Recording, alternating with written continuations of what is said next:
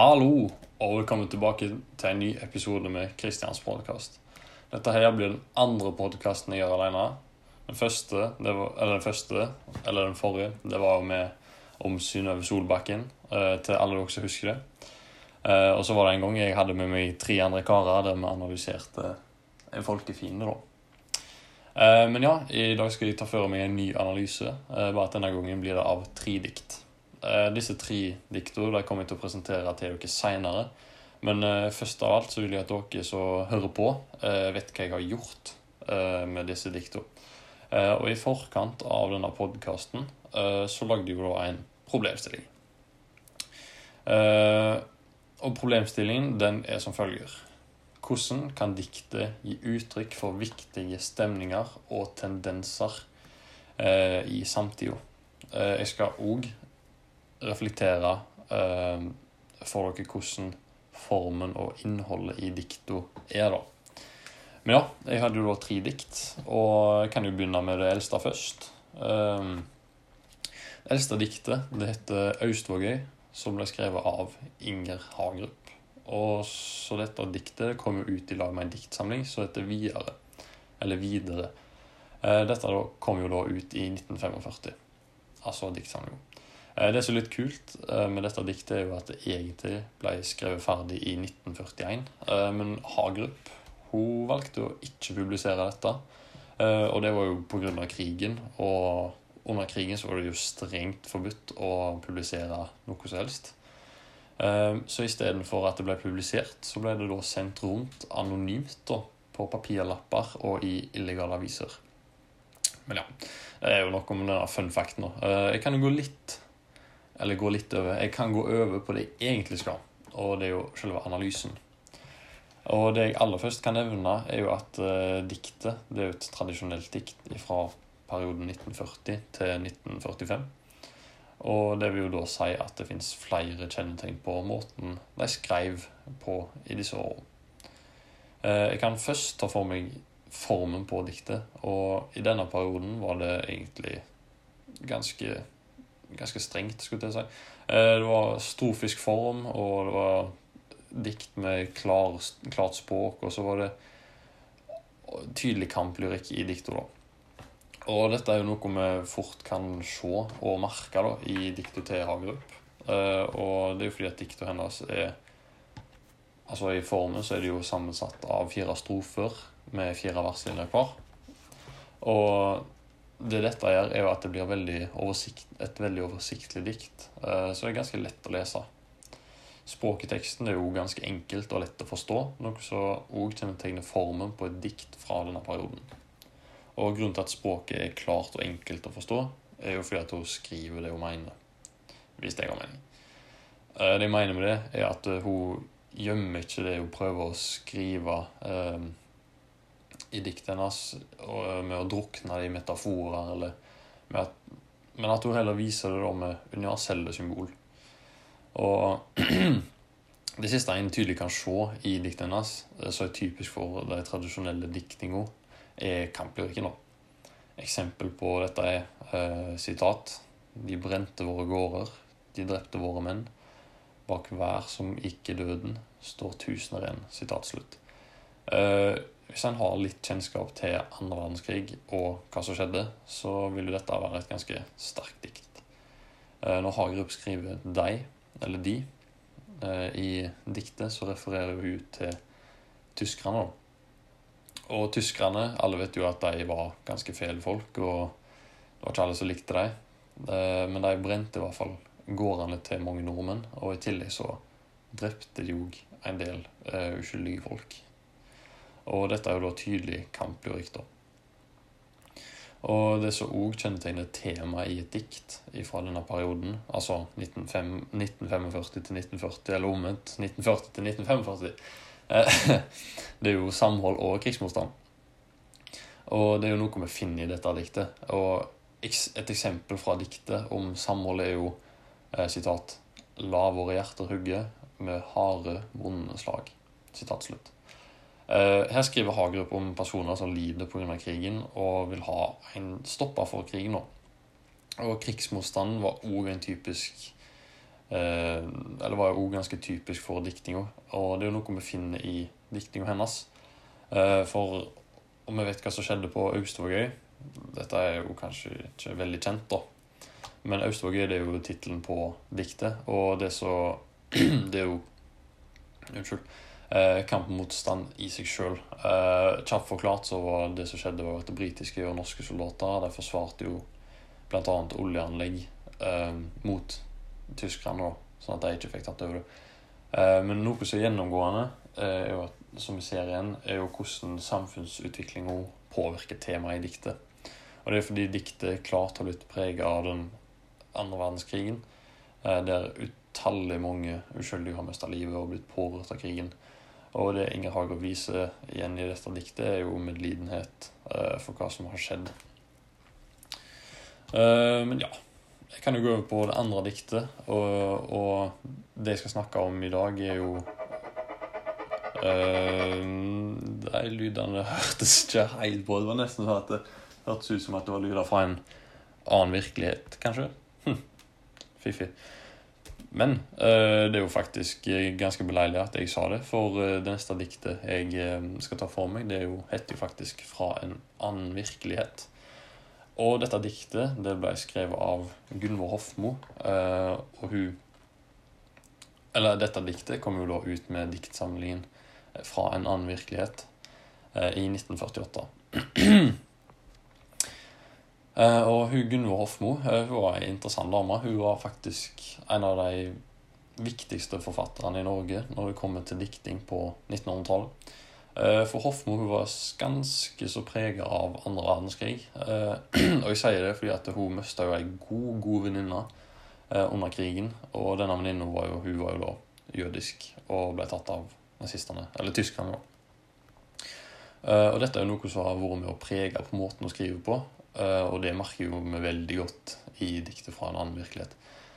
Uh, Diktinga hennes er jo skrevet på en måte som gjør at uh, en føler seg nesten dyster etter at vi har lest verkene hennes. Uh, men i hvert fall fra en annen virkelighet. Det er jo et modernistisk dikt. noe som vi kan se på formen, da. Og det er ekspresjonistisk og har ingen strofisk form. Og det at diktet er ekspresjonistisk, det vil jo da si at diktet det uttrykker Hofmo sine indre følelser i en subjektiv og forvridd verden. Og det vi kan finne i, eh, i det som er ekspresjonistisk, er jo eh, sitat Ser inn i menneskets øyne, men jeg ser, men jeg er på den andre siden, der mennesket er en tåke av ensomhet og angst. Sitat slutt. Eh, altså det høres jo ikke helt bra ut, dette. Det som jeg sier, at det er jo veldig et, Jeg vil sette en veldig dyster stemning med ganske mye negative eh, lada ord, eller minusord. Eh, men i hvert fall det Hofmo eh, skildrer her, er jo et slags speilbilde av seg sjøl, der hun føler at hun ikke blir sett av andre, og at hun føler at hun står alene. da. Uh, og For å gå på selve formen av diktet så irriterte meg det noe veldig for diktet det består av to strofer med 14 og 12 verslinjer hver. Eh, og alle verslinjene var jo i helt ulik lengde, så dette bare trigga hos ideen min. Eh, nei da, det Men det som er når dikt står på den, eller blir skrevet på den måten, er jo at det kan bli litt rotete å lese diktet, da. Men fra det ene til det andre så kan vi jo si, eller snakke noe om hvordan eh, samfunnsutviklinga eh, påvirka diktinga. Og på slutten av 40-tallet og i starten av 50-tallet, altså dette det, Eller når hun la, la, ut, ja. Når hun slapp dette diktet, så var jo det ganske mel, på vippen mellom eh, 40- og 50-tallet. Eh, så det er midt i glippen. Altså du har litt av både 40- og 50-talls eh, eh, trekk, men det har aller mest 50-tallet. Men eh, på 40- og 50-tallet var det jo ganske mye spenning om hva som kom til å skje, for det var jo nettopp slutt på krig nummer to, verdenskrig nummer to. Og folk var jo redde da om eh, det faktisk skulle skje en atomkrig. Og dette gjorde at folk ble veldig usikre og redde for hva som kunne skje i veldig nær framtid. Og det er nok noe som speiler seg igjen i hvordan diktinga ble. Eh, det er så typisk for tematikken i dikting på 50-tallet, er jo menneskets ensomhet og fremmedfølelse. I tillegg til krig og atomtrussel. Eh, menneskets ensomhet og fremmedfølelse kan vi jo faktisk finne igjen i dette diktet. Eh, diktet handler jo ikke direkte Eller for å ta krig og atomtrussel først, så handler jo ikke diktet direkte om dette. Men kanskje mer om hva som skjer i etterkant av ei sånn dramatisk og fæl tid. For Hofmo skriver sitat Altfor nær var jeg tingene, slik at jeg brant meg gjennom og står på den andre siden av dem. Sitat slutt. Eh, å skrive at hun står på den andre sida, og når jeg snakker om å være på den andre sida, så er jo det å være død, da. Og hun mista jo ei veldig god venninne eh, som hun var kjempeglad i, og resultatet av dette og av kanskje den fæle krigen er jo at hun kanskje føler seg nesten død inni seg sjøl. Og inni dette så kan vi òg blande inn eh, menneskets ensomhet og fremmedfølelse. Og dette er jo kanskje fordi at hun føler seg etterlatt og aleine. Eh, siden hun mista denne her venninna. Og hvis vi går tilbake til det eksempelet jeg kom med i stad eh, Sitat. Ser inn i et menneskets øyne, men jeg er på den andre siden der mennesket er en tåke av ensomhet og angst. Dette her er jo òg viser òg at hun står litt aleine og er kanskje um, Ja, veldig ensom, og at hun ikke føler at hun hører hjemme i denne verden her. Og det står jo ikke i denne her eh, dette diktet jeg fikk, men Eh, hun, Hofmo hun endte jo opp på psykiatrisk eh, fordi det, det med venninna og krigen det hadde jo blitt veldig mye Det hadde blitt veldig mye for henne, og kanskje det at hun, når hun lå der på psykiatrisk, at hun følte at hun kanskje eh, Følte at hun døde litt, fordi at eh, folk sa kanskje at ja, du må bare gjøre sånn og sånn, så går alt fint. men det gikk kanskje ikke så bra med det, så derfor følte hun seg kanskje ensom, fordi at det var ikke alle som kunne sette seg i den situasjonen som hun var i. Men ja, dette ble jo fort veldig trist og dystert, så før det blir altfor galt, så kan jeg jo gå over på eh, det neste diktet. Eh, og det neste diktet jeg skal ta for meg i prat Hva i all verden? Det høres jo mest ut som noe bombing. Får vi jo faktisk nesten til å tenke på Hiroshima som skjedde i 1945, vet du. Men snakk om Hiroshima, da. Det var jo litt beleilig. Eh, for det neste diktet jeg tar for meg, heter jo faktisk 'Vise om byen Hiroshima'. Og dette diktet ble jo skrevet av Jens Bjørneboe og er Beklager.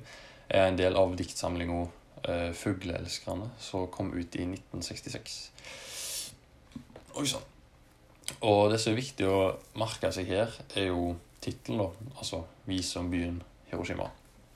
Grunnen til at dette er viktig, er jo fordi at det ligger ganske mye bak tittelen. For hvis en har tidligere kunnskaper om andre verdenskrig, så vet jo alle at uh, Oi, nå skjedde det noe inni meg. Beklager det. Uh, at atombomber ble jo sluppet over denne byen, og det skapte jo et ingenmannsland i etterkant av bombinga.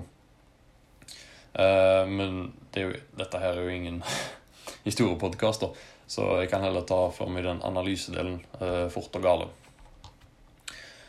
Uh, altså Diktsamlingen kom ut i 1966, uh, og det som skjedde under denne perioden, var jo den kalde krigen.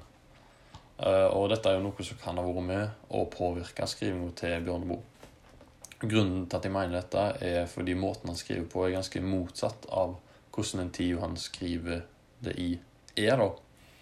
Og det jeg mener med dette, er at diktet hans er harmonisk og fint med flere positive ord som sommermorgen og lekte. Eh, så det kanskje kan være en distraksjon eller en kontrast fra virkeligheten han levde i. Eh, og det er jo òg en kontrast i hvordan eh, det var når eller etter det ble bomba. Men så handler det jo òg om hvordan kanskje Hiroshima så ut rett før det ble bomba. Eh, men dette kan jo Ja, det er jo som sagt kanskje en kontrast fra virkeligheten han levde i, og det var jo en ganske kald og grå plass og tid. Eh, for igjen, Det var en veldig usikker tid, og folk var redde for å dø, da. Eh, men i hvert fall dette diktet er tradisjonelt dikt, eh, sånn som så Østvågøy. Og i tradisjonalismen på 60-tallet så var det jo flere ting som var typisk skriving vår. Og det vi kan se i vise om byen Hiroshima, er så typisk tematikken er jo den konkrete virkeligheten. Eh, for diktet det handler jo om hvordan det var i Hiroshima før det ble bomba, som sagt. Eh, noe som er fra den faktiske virkeligheten. Og det som er typisk på formen på verkene fra 60-tallet, er jo et enkelt språk og ny enkelthet. Og dette er jo òg noe Bjørneboe har med i diktet sitt. For her har han ingen symboler eller vanskelige ord, så at det blir et veldig avansert dikt. Og du må kunne tolke det på mange forskjellige måter for å skjønne hva han har meint. Men det er heller et veldig enkelt og kon konkret dikt, da. Så gir ganske mye mening når du bare leser gjennom det.